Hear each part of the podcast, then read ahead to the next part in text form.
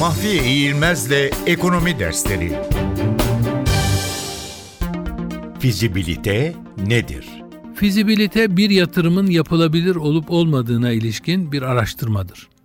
Yatırım kararlarının öncesinde bir durum değerlendirmesi yapılır ve bu değerlendirmeye göre o yatırımın kazançlı olup olmayacağına ve dolayısıyla yapılıp yapılmayacağına karar verilir.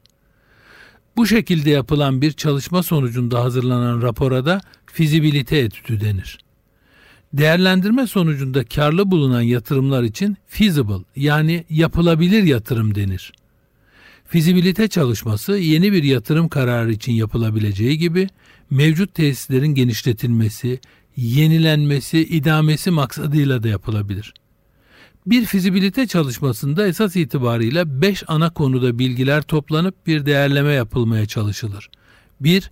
Piyasa incelemesi, 2. Kuruluş yeri incelemesi, 3. Mali inceleme, 4. Teknolojik inceleme, 5. Hukuki değerlendirme. İnceleme sonucunda bu 5 ana daldaki bulgular bu yatırımın yapılabilir olduğu sonucuna ulaşıyorsa fizibilite raporu yatırımın feasible olduğu yani yapılabilir olduğu bulgusuyla sonuçlandırılmış olur.